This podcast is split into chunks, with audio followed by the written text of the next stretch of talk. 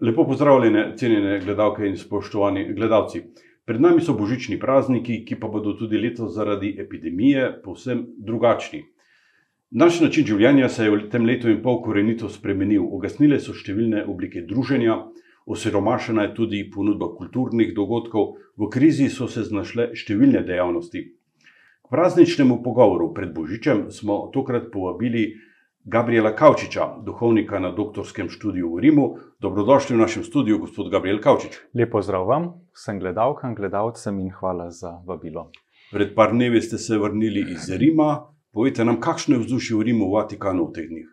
Ja, tiste klasične stvari. Ena glavna božična, božično drevo stoji tam na Piazza Venecija na Beneškem trgu, drugo v Vatikanu, tako kot lani, če se spomnite, ko je bila slovenska smreka tam.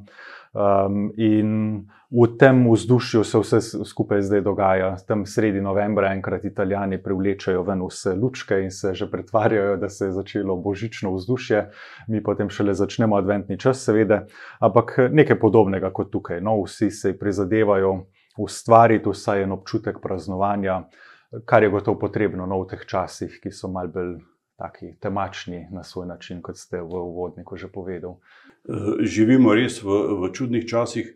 Bolezen COVID je prizadela praktično cel planet. Eh, kako se to odraža v, v Rimu? Ja, zelo podobno kot tukaj, seveda, posebej zdaj je v Sloveniji, vidim, da je slabše, se so statistika je jasna.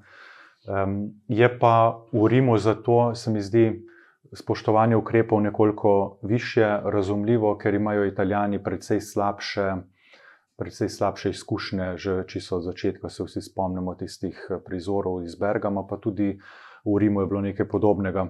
Zdaj, tisto, kar se meni zdi drugače, je recimo to, kar zmeraj povem, ko se v Sloveniji začenjajo te debate o represiji, naprimer, pa o takem drugačnem spoštovanju ukrepov. V Italiji, naprimer, kakšne pretirane svobode ni bilo. Ne? V Italiji se ve, ko enkrat ustavi karabinier, je ponovadi težava že tam. Ne? Ni tako kot naša policija, ki, je, ki pride in se šele takrat začne pogovor, ponovadi tam dol, naprimer, ko te karabinier ustavi, je že težava, na, na, na, uh, smo že v težavah. Ne? Se spomnim tisti čas, ko je bil tisti hud lockdown. Uh, nisi šel niti v trgovino, da ni, da ni preveril, da te niso ustavili. In uh, tudi preveril, da si v trgovini res bil, ne? ker je bilo treba imeti tisti listek, eh, kjer si se samo identificiral. Um, skratka, ko sem živel dol v Italiji, pa tudi zdaj, um, je dol predvsej bolj resno vzeta ta situacija, in če že bi se lahko dol pogovarjali o represiji, no? ne pa v Sloveniji. Tako se mi zdi, smo tukaj vseeno bolj sproščeni, kar je morda tudi boljše za splošno počutje. E, tudi sami ste preboleli bolezen, e, kako je potekalo zdravljenje? Tu je treba vedeti, da jaz živim dol v hiši zdaj že kar nekaj let, 40, tudi 60 študentov v eni hiši. Um, je velika hiša, sedaj vsak ima svojo sobo, ampak jemo, naprimer, pa skupaj, srečujemo se pri takih in drugačnih priložnostih. Se pravi, da ima tak virus kot je COVID odlične možnosti za prenos. Tako da takrat, ko sem jaz, naprimer, bil bolan, nisem bil jaz prvi, je prišlo druge in nas je bilo kar okrog 20 potem, se pravi, smo bili kar na tretjini polovici hiše bolnih. Um, in potem, seveda, se je nekaj karantena, je pa, seveda, je pa lepa priložnost v tem, kot vsi vemo, v težkih situacijah na tem svetu se zmeraj izkaže najlepše, pa najslabše v ljudeh, naprimer v naši hiši v Rimu, kjer smo praktično sami eh, duhovniki in pa bogoslovci, to so tisti, ki se na duhovniški poklic še pripravljajo um, smo imeli priložnost videti najboljše stvari. Se pravi, tisti, ki smo bili v karanteni, se je potem poskrbelo za nas, da nismo bili v stiku, da smo bili v, v resnični karanteni uh, in da je pač bolezen potem prešla. Uh, in smo se naučili, da je treba paziti, ne? ker v takih primerih, kot v družini, ko je en bolan, so lahko hitro vsi na spisku. Uh, na ta način, no, pravzaprav je bila ena lepa izkušnja, kot pravim, v hvaležnosti se spominjam tega, ker ker je bilo za me lepo poskrbljeno in se ne predstavljam, kako je, če se to zgodi um, komu, ki je osamljen, ki nima drugih, ki bi za njim poskrbeli. Bi lahko rekli, da za marsikoga je ta osama, ta samota, uh, nova življenjska izkušnja, ki jo prej ni poznal. Ja, sedaj, ker se tudi svet ne samo zaradi COVID-a že toliko prej toliko spremenil. Osama je danes velika stvar, velika težava, ki se, po mojem, ne zavedamo. Jaz vidim, ko grem, recimo, posebej zdaj, posebej božični prazniki, so odlična priložnost. Ko gremo duhovniki po blagoslavljati hiše, se temu reče, se pravi, tu je več vidikov. En je obisk, en je ob, vseh družin v župni, ki to želijo, seveda. En je ta, da se prinese božji blagoslov, da se da poseben poudarek božiču. En je pa tudi ta, da duhovniki se itak vsak mesec obiskujemo eh, bolne, ostarele, tudi osamljene, ampak v božičnih praznikih recimo ima tu še en tak poseben, čist poseben značaj. No? In se vidi, no, to hočem povedati, da je to kar težava. V drugih državah, naprimer, se tem, s tem tudi sistem, sistemsko že soočajo. Spet, da država um, določenega ministra, naprimer, um, potrdi prav v tej nalogi, da se, da se začnemo ukvarjati z vprašanjem osamljenosti ljudi, ki ki so iz takih ali drugačnih razlogov ostali sami, in, um, in ko jim vzameš še družbeno življenje, eno kavico zunaj, recimo, ali pa tisto, ko greš po časopis v trafiko, potem postanejo te zadeve hude, no, zelo hude. V enem od intervjujev sem prebral, tako ste rekli, da se zdi, da duhovnikov v tem kriznem obdobju skoraj ne potrebujemo več. Ja, seveda, tu je zdaj um, zelo široko vprašanje ki je recimo, ta prvi vidik, to, kar sem imel v tistem intervjuju v mislih, je, bila, je bil čisto ta sociološki vidik. Ne? Če si samo predstavljamo, v Sloveniji si težko predstavljamo, kaj je prejšnji sistem crkve izrinil iz, iz javnega življenja. Um, recimo tam, kjer tega ni bilo, je bilo popolnoma jasno, pa tudi pri nas do tega trenutka, da, so, naprimer, da je imela crkva zraven roko ali pa pomoč v obliki sester, ki so pomagale v bolnicah, v šolah, v um, sirotišnicah, vseh sort je bilo. Se pravi, to, če moramo mi danes pravimo um, javna uprava ali pa to, kar na čimer povsem pravilno danes drži roko država. To je bilo še recimo sto let nazaj, marsikdaj zaupano v roke katoliške cerkve, vsaj v, v našem zahodnem svetu. Um, to ima, na primer, veliko, samo kot primer, da ima velik um, vpliv na naprimer, pedofilske škandale, uh, v nekaterih državah, kjer je crkva imela čez šole. Zato pri nas ni, tega ni toliko, ker so se taki ljudje potem prikradli tja, kjer je šola. In to je imela, naprimer na Irskem, samo primer je imela to čez crkvo in zato so tam take težave. Zdaj pa v današnjem času, pa seveda vsi ti sistemi, niso več pod okriljem cerkve, vsaj v veliki večini ne. Naprimer v Sloveniji v 98% je to država, ki nadzoruje šole in bolnice in vse ostalo.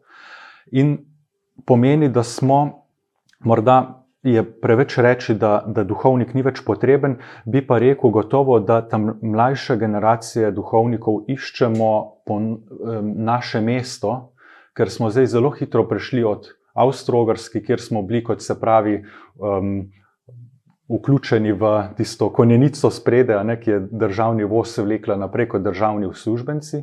Potem je prišlo, se vemo, obdobje zadnjih desetletij, kjer, kjer je nekako luknja v tej zgodovini duhovniške vloge. In zdaj smo v zadnjih 30 letih, pravzaprav se šele začenjamo zavedati, da bo treba ponovno razmisliti o tem, kakšna je resnična vloga duhovnika v družbi. Eh, ne več državni uslužbenc, ne več državni sovražnik, eh, ne več ne bodi ga treba, pa tudi ne več glavni gospod, ki se mu vsi priklanjajo, ne? nekaj novega bo treba najti. Ja, kako gledate na odzive eh, katoliške cerkve v Sloveniji, vodstva?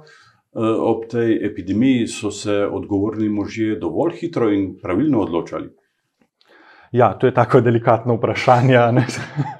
Ampak eh, bom kar iskreno povedal. Jaz mislim, da je bila odločitev o eh, celo predčasnem zapiranju crkva eh, in ukinjanju eh, možnosti prejemanja zakramentov, predvsem ob tem, da ni bilo ponujenih drugih možnosti, ki smo jih potem seveda kasneje odkrili. Eh, podeljevanja obhajila, naprimer, ne da pridemo k maši, ampak da se ljudje v omejenih skupinah zberejo, seveda po gospodinstvih, naprimer, in pristopijo k obhajlu. To je bilo, naprimer, potem kasneje ena taka eh, ad hoc rešitev te težave. Ampak, če se vrnem na začetek, to skrajno zapiranje crkva, takoj na začetku, eh, čeprav se strinjam, je bilo malo podatkov, nismo vedeli, kako s to boleznijo, kako se prenaša, tako naprej, pretirano se mi je zdelo. Eh, mislim, da, mislim, da bom še bolj konkretno povedal. Težko pridigam, naprimer, zdaj, ko bo prišla velika noč, ko pride v ospredje, ali pa pri pogrebih, naprimer, ko pride v ospredje tema večnega življenja. Jaz težko pridigam tudi za tiste poslušalce ali pa gledalce, zdaj, ki, ki nimajo z vero nič skupnega, naprimer, um, bojo razumeli, da je težko pridigam o večnem življenju, če, se, če se je tudi crkva v nekem ključnem trenutku zgodovine popolnoma osredotočila na tukaj zemsko življenje. Ne. Se pravi, da ni bilo niti enega procenta zraven enega delčka, kjer bi ljudem namignili, da je pa vendarle življenje po zakramentih ali pa z zakramenti zelo pomembno. Tega momenta praktično nekaj mesecev je, je zmanjkal. Je zmanjkal svoj tolikšen poudarek na bolezen, na, na ta svet, da se je za trenutek zdelo, da, da pravzaprav to, kar je naloga crkve, to pa je podaljevanje zakramentov ljudem, pravzaprav lahko odpade, če je um, neka družbena situacija dovolj kritična. Tega, naprimer, se ni videlo v drugi svetovni vojni, marsikje v kriznih situacijah, tega to ni bilo tako, se je pa zgodilo na začetku epidemije. Na kratko, mislim, da je, ta, um, da je bilo pretirano takrat uh, to zapiranje, naprimer, od, odziv um, vrha cerkve. Pa vendarle bi lahko to zdravstveno krizo na nek način razumeli tudi kot novo priložnost. Priložnost za nov zagon pri evangelizaciji, pri prenovi cerkve. Tako.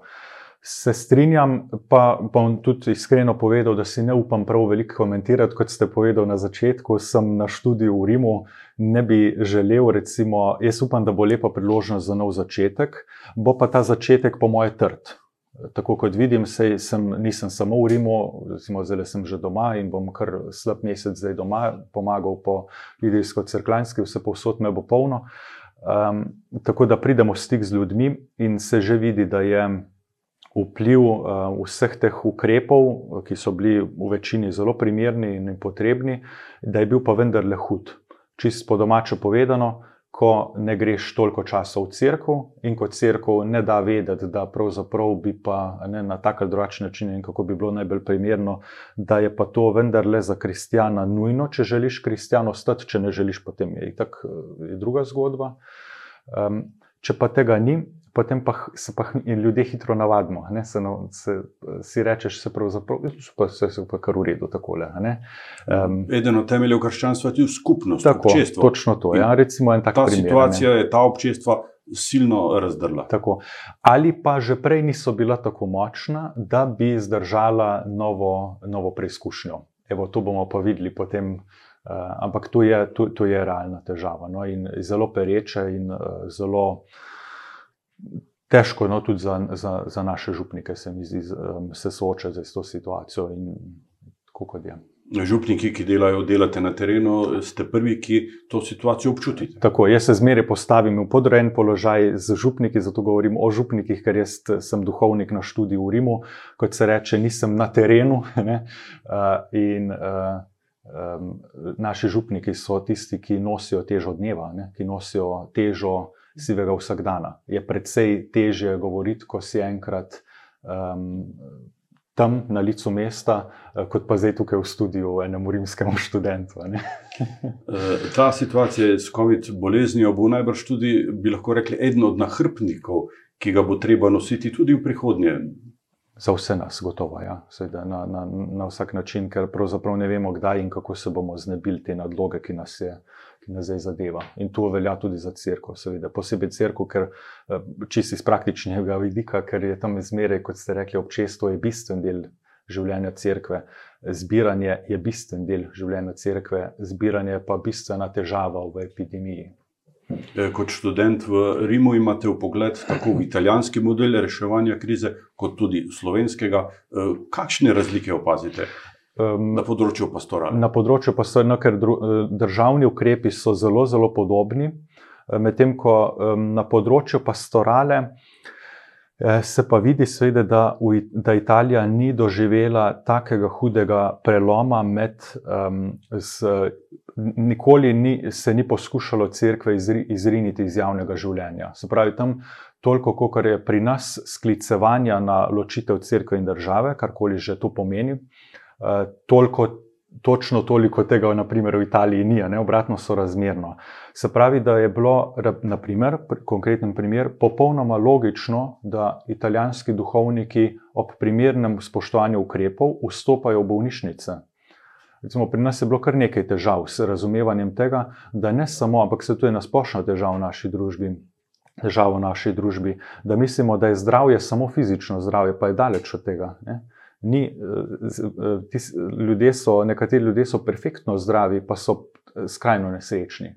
Se pravi, zdravje eh, je, se dotika celega človeka, tako telesa, duše, kot duha. Vera prevzame to, ta zadnji del duha. In v Italiji je bilo to bolj recimo, sprejeto kot nekaj popolnoma normalnega, tudi v rednem delu bolnišnic, ko ni COVID, da se to vidi. Uh, naprimer, da, da, da je duhovna oskrba bistven del, celo za kakšnega nevernega, takrat, ko gre za, za, za nohte, um, ko gre za vprašanje življenja in smrti, v, to, v to, ta položaj nas je epidemija stalno postavljala. Uh, tako, drugače pa je bilo um, podobno kot v Sloveniji, je pa Veste, zmeraj pri teh ukrepih, kot, kot crkva, tudi v pastorali uvaja ukrepe, tukaj je zmeraj zadej odnos uh, z državo. Uh, če se zatika tam, potem, naprimer, jaz sem hud kritik zadnjega zapiranja crkva, ne, ko si lahko šel za, uh, za veliko noč, si lahko šel kupiti v lesnino v Ljubljano um, eno pručko, ki si jo nujno rabo, ravno tisti vi, velikonočni vikend, nisi pa mogel obiskovati obredov. Tu je huda anomalija na strani uh, državnih ukrepov. Uh, in pa anomalija na strani crkve, ki, kolikor sem jaz zasedil, pravzaprav ni kaj dosti komentirala te zelo paradoksalne situacije. No. To je samo nekaj primerov, in v pastorali se to pozna potem. V enem od nagovorov ste uh, ugotavljali, da se bo crkva po tej eh, epidemiji znašla malo številčna, da se bo številčno zmanjšala, vendar vidite prihodnost v kakovosti. Ja, tu je ta um, pogosto, recimo, nisem čisto prepričan, ali je to izgovor. No? Če sem čisto iskren, da si rečem, da se številk ni, bo pa kvaliteta. S, ljudje se marsikdaj v, ta, v to zatečemo, bolj, um, tudi kot ne, ne toliko, da resno mislimo, ampak da se mal, da, da iščemo en tak mal poceni izhod. Ampak upam res, da bo tako. Tisto, kar jaz vidim, kot pravim, še enkrat, nisem toliko v stiku z ljudmi, žal um, kar vidim, je res tako. Recimo na, pri področju ročne pastorale se je to videlo. Tisti, ki resno mislijo, so razumeli, da otroci ne morejo hoditi v šole, naprimer, tisti čas, se pravi, ne morejo hoditi k veruku, se pravi, če nam je kaj do tega. In bomo, bomo poskrbeli, da gre versko znanje naprej um, tudi na druge načine, ker itak prvi veroučitelji so starši, ne pa duhovnik ali katehet. Um, to je samo en tak primer, kjer se je videlo, da tiste družine, ki resno mislijo, se prilagodijo tudi v težavni situaciji, kot je, kot je bil ta COVID. Tako da v tem smislu številke pač padajo, to sem razložil prej, se pač ljudje ugotovijo, da crkva pravzaprav ne rabijo kaj dosti. Um, pod prisilo COVID-a pridejo morda nekateri do te, do te izkušnje, do tega zaključka, medtem ko druge, druge se pa ne dajo motiti in um, zagrabijo še bolj, tudi takrat, ko ni podpornega sistema v, obliku, v obliki maš, pridik, um, raznih dogodkov, veruka in tako naprej. E, nekateri duhovniki so v tem obdobju s pridom izkoriščali sodobne tehnologije. E, tudi sami e, imate pozitiven odnos, sklepam tako, do teh sistemov. Deset let imate že svoj Facebook račun, redno pišete za tednik Domovino, ste sodelovec Radio Ognišče. To so novi mediji, novi pristopi. Sporočilo pa je isto. Ne? Jaz sklepam po sebi, jaz ko To bo čudno zvenelo, ampak jaz, ko grem likati, ko grem peglat, potem si vklopim en podcast, ne, poslušam stvari. Enako kot so, kot že 50 let delajo naše stare mame, ki pa klekljajo in poslušajo radio zraven. Naprimer, torej, eh, sam po sebi sklepam, ljudje radi preberemo, če je kaj pametnega za prebrati ali eh, poslušati eh, in poslušamo. In jaz zmeraj rečem, ko nekaj natipkam, ko nekaj povem v kamero, ko ko nekaj objavim, zmeraj rečem, če bo komu koristilo, ne mu koristi, ne, ne bo večjo božjo čast in, in ne ljudje berejo. Če se kdo ne bo strinjal, se bo začela debata, nič narobe. Če bo kaj koristilo pri verski ali pa etični izobrazbi nekoga, to je bolj moje področje, zaradi študija, um, ne koristi. Če koga moti, bo pač kliknil pa, pa izključil. Ja, se mi zdi, da pač vse treba izkoristiti, ker nam, ker Bogu hvala, da, da imamo toliko možnosti in, in, in se lahko tako tudi udejstvujemo. Mislim, da je v trenutku popolne zapore svetih maš boljše biti vsaj uh, z enim ušesom pri maši. Kot pa, da sploh nisi. Ne pristanem na kritiko, da zato, ker nekdo kuha uh, doma eh, govejo župo v nedeljo in zraven posluša še eno mašo, da je pa zdaj to, eh, da je pa to razlog zaradi nekakšnega, da je reči, neprimernega prisostovanja pri, pri, pri, pri maši nadaljavo, da bi pa zdaj zato pa te maše ukinjali. Ne. Stvar sama na sebi nikoli ni slaba. Ne. Nikoli ni slaba. Vprašanje je, kako mi to uporabljamo, tle pa je v tem vprašanju vzgoje, ne pa sredstva, um, prenašanja digitalnega, naprimer prenašanja svetih maš ali kaj podobnega. E, Povejmo za naše gledalce, ki vas osebno ne poznajo, da ste doma iz Govejka, da ste osnovno šolo obiskovali v Žireh, gimnazijo v Vipavi, e, teološko fakulteto pa najprej v Ljubljani in potem e, v Rimu. Sedaj ste na doktorskem študiju moralne teologije. Kakšen je naslov vaše disertacije? O čem govori? torej, moralna teologija, da morda da prevedemo to za, za poslušalce. Moralna teologija je to, čemu danes običajno rečemo etika, ali pa bolj nadaljše, kaj je prav in kaj narobe. To je tista znanost, ki se ukvarja s tem, kaj je torej, točno to, kaj je prav, kaj je narobe. Kaj spada v tisto zlato pravilo, ki ga vsi poznamo, ne stori drugemu, kar ne želiš, da drug tebi stori, in obratno, stori drugemu, kar drug želiš, da drug tebi stori. To je etično področje, ki je posebej v naših deželah, se pravi, da je reč tega socialističnega bloka, precej izrinjeno, medtem ko v zahodnem svetu, recimo pri nas v Italiji pri nas v Italiji, da ne bo na robe razumljeno, samo dokler tam živim, pa ne prav dolgo več upam. Eh, je pa to recimo ena stvar, ki je vključena v vsak študij. Naj bo finančni študij, naj bo medicinski študij, naj bo pri strojnem, morda ni toliko, pa tudi, kaj je vprašanje, zakaj delaš neko, nek stroj. Ne. Um, je etika en pomožni, pomemben, tudi zmeri pomožni, ampak pomemben predmet, ki daje sol, ne, tako kot da sol hrani eh, neko posebno okus, poudarijo okus, tako um, etika naredi eno, eno, eno razliko pri tem, kako mi pristopamo do naših. Do, naših, do tistega, kar delamo, ne, s čimer se ukvarjamo. No, to je to, kar jaz študiram na splošno. To je bil tisti umestni študij v Rimu pred doktoratom. Eh, zdaj se pa obadam s tako imenovanimi moralnimi absoluti. To je ena tema, ki je prav stara, to se pravi že od Aristotela naprej. In naslov moje dizertacije so Moralni absoluti um, v luči uh, enega dokumenta papeža Frančiška, ki je izbudil zelo veliko pozornosti, ko je šlo za vprašanje ponovno poročenih. Kristijani, katoličani, ki bojo poslušali, bojo to vedeli. Ker katoliška crkva ustraja na. na po, pogledu na poroko, ki je nerazdeljiva. Ne, se pravi, ni tega poroka ne samo kot dogovor, da se ima pa rada, pa bo zdaj skupaj, dokler se nima več rada, ampak poroka, ki te spoji skupaj za vse življenje. Uh, in tam, recimo, je šlo, tam, ko se je tisto vprašanje odpiralo, se je odprlo tudi vprašanje, kako na vse druge stvari, ki jih mi zmeraj ujemljemo kot absolutne, kako, kako tam pristopiti. Absolutne stvari bojo pa vsem znane. To je vprašanje do splava, vprašanje do eutanazije, določena vprašanja v spolni morali, um, kamor spadajo tudi recimo to vprašanje ponovno poročenih.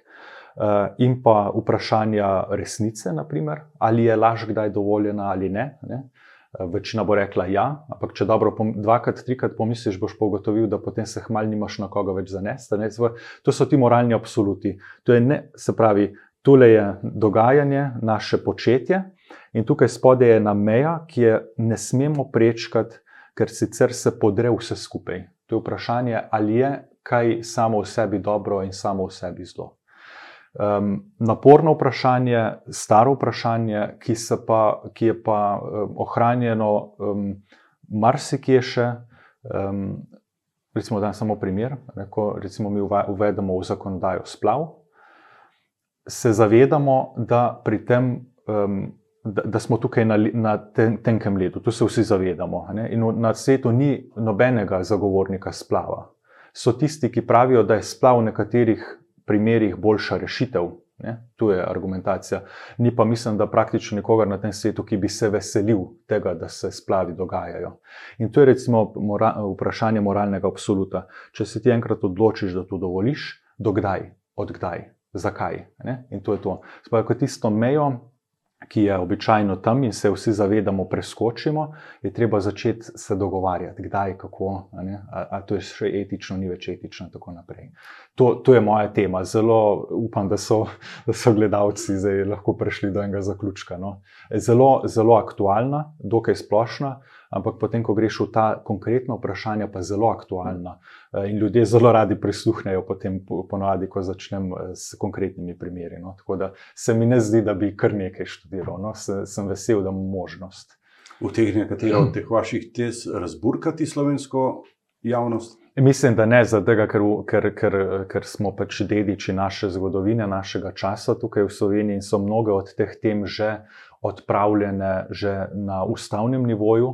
Eh, naprimer, ni pa tako v Ameriki. V Ameriki, recimo, ravno zdaj poteka, po tem zadnjem primeru, ki sem ga dal, zelo težka debata. Se pravi, se vidi, da, da um, lahko nekatere stvari nekako zakopljamo pod, um, pod gladino, uh, celo ustavno um, uvedemo, ampak, ampak ostajajo tam in motijo ljudi.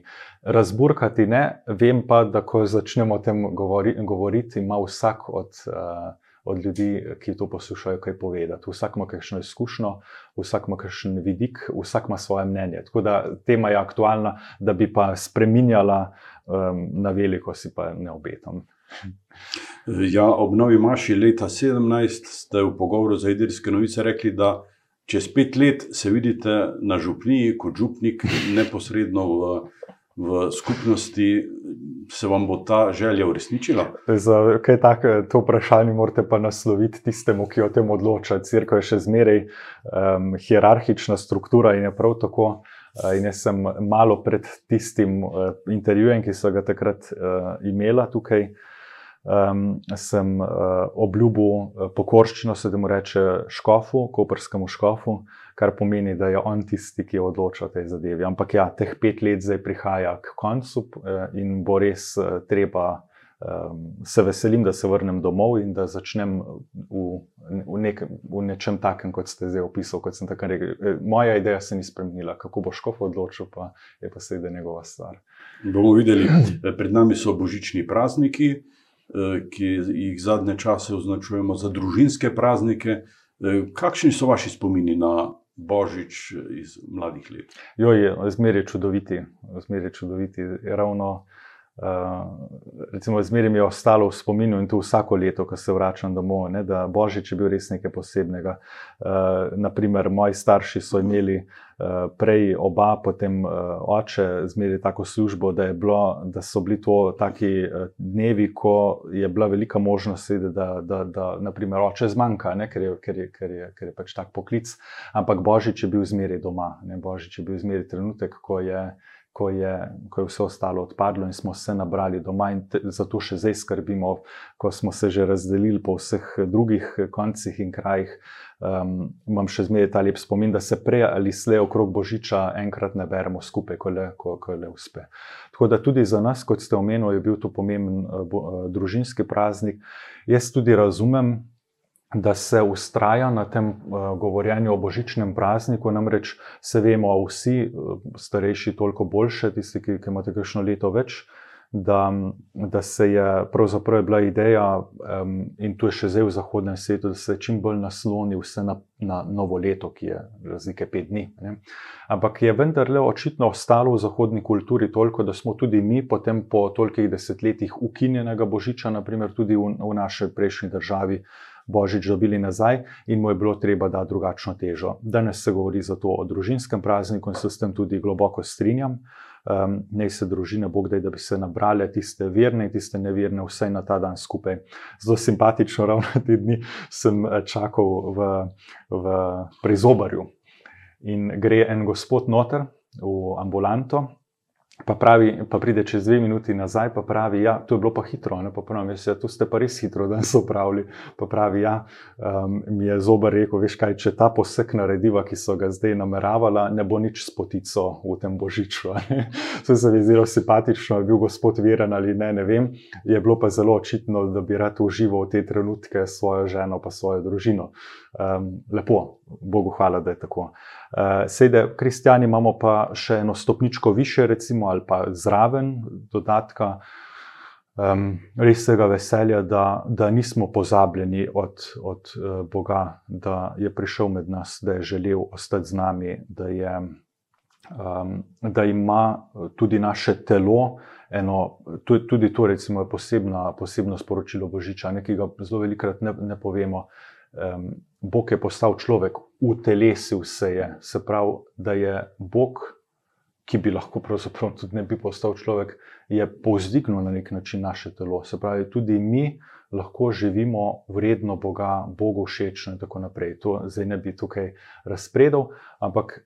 Kristijani imamo toliko drugih še razlogov, in bi želel tudi, čisto iskreno, tudi tistim eh, nevernim, da bi da bi morda začutili tudi to svetost praznika, ne samo družinsko, pa fraj dan, pa to, Bogu hvala, da je tako, da bi začutili še tisto več. Ne? Boste imeli sedaj v prazničnih dneh najbrž nekoliko več dela? Ja, um, mislim, nekaj več dela, ampak sej. Um, Jaz z velikim veseljem upravljam svoj poklic, tako da to pomeni nekaj zelo lepega. No? Posebej, potem, ko pridem iz Rima nazaj, da lahko grem med ljudi. Uh, mi zmeraj veliko pomeni in mislim, da tudi ljudje to opazijo, da pridem potem poln uh, zanosa nazaj, ker kot pravim, župniki morajo nositi eh, težo dneva, meni je ni treba na tak način, imam potem priložnost, da lepo idrijski, crklanski. Um, skakati okrog uh, in, in pomagati, kjer se le pomaga, da, no, ali pri svetih spovedih, ali pri svetih mašah, vse posodno, kjer, kjer je le potrebno. Ja, povejte nam, eh, kaj bi zaželeli našim gledalcem v prazniku?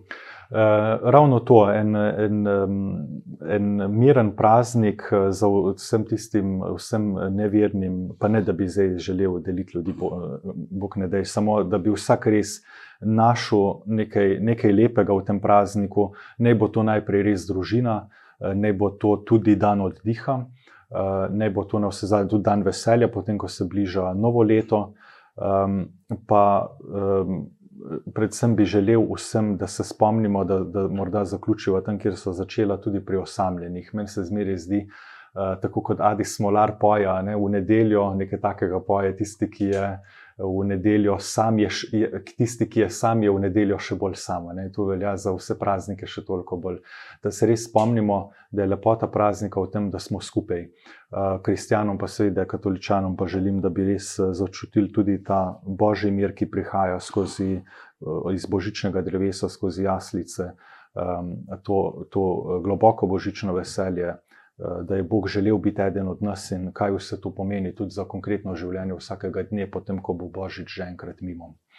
Tudi takrat bomo nadaljevali življenje in se veselili novih zgodb. Tako, um, vsaki, vsak dan, uh, jaz pravim, vsak dan Gospod Bog da nekaj novega, vsak dan je. Eh, je eno veliko darilo in se pač treba veseliti in, in. Eh, potem pa pridejo vse, je zraven, pa vse te od epidemije, eh, obveznosti službe. Marsikdo ima veliko težjo službo od, od mene. Recimo, če kdaj težko se zmeraj spomnim, si rečem.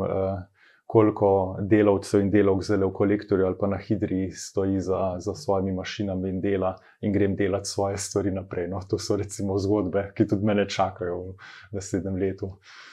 Gabriel Kavčič, hvala za te vaše misli, hvala za pogovor in hvala za obisk v našem studiu. Hvala vam za povabilo in res eh, vam, vsem vašim dragim, vsem poslušalkam, gledalcem, gledalcem, gledalkam, gledalcem, ne eh, doživete praznike, eh, srečno novo leto, pa res naj bo, naj bo leto. Boljše, ne bo boljše, kot smo ga bili navajeni, zdaj recimo leto, pa pol, dve leti nazaj. Vam, spoštovani gledalci in gledalci, pa hvala za pozornost. Želim vam lepe praznike ob Božiču, v novem letu pa naj se vam izpolni vsaj ena skrita želja. Srečno!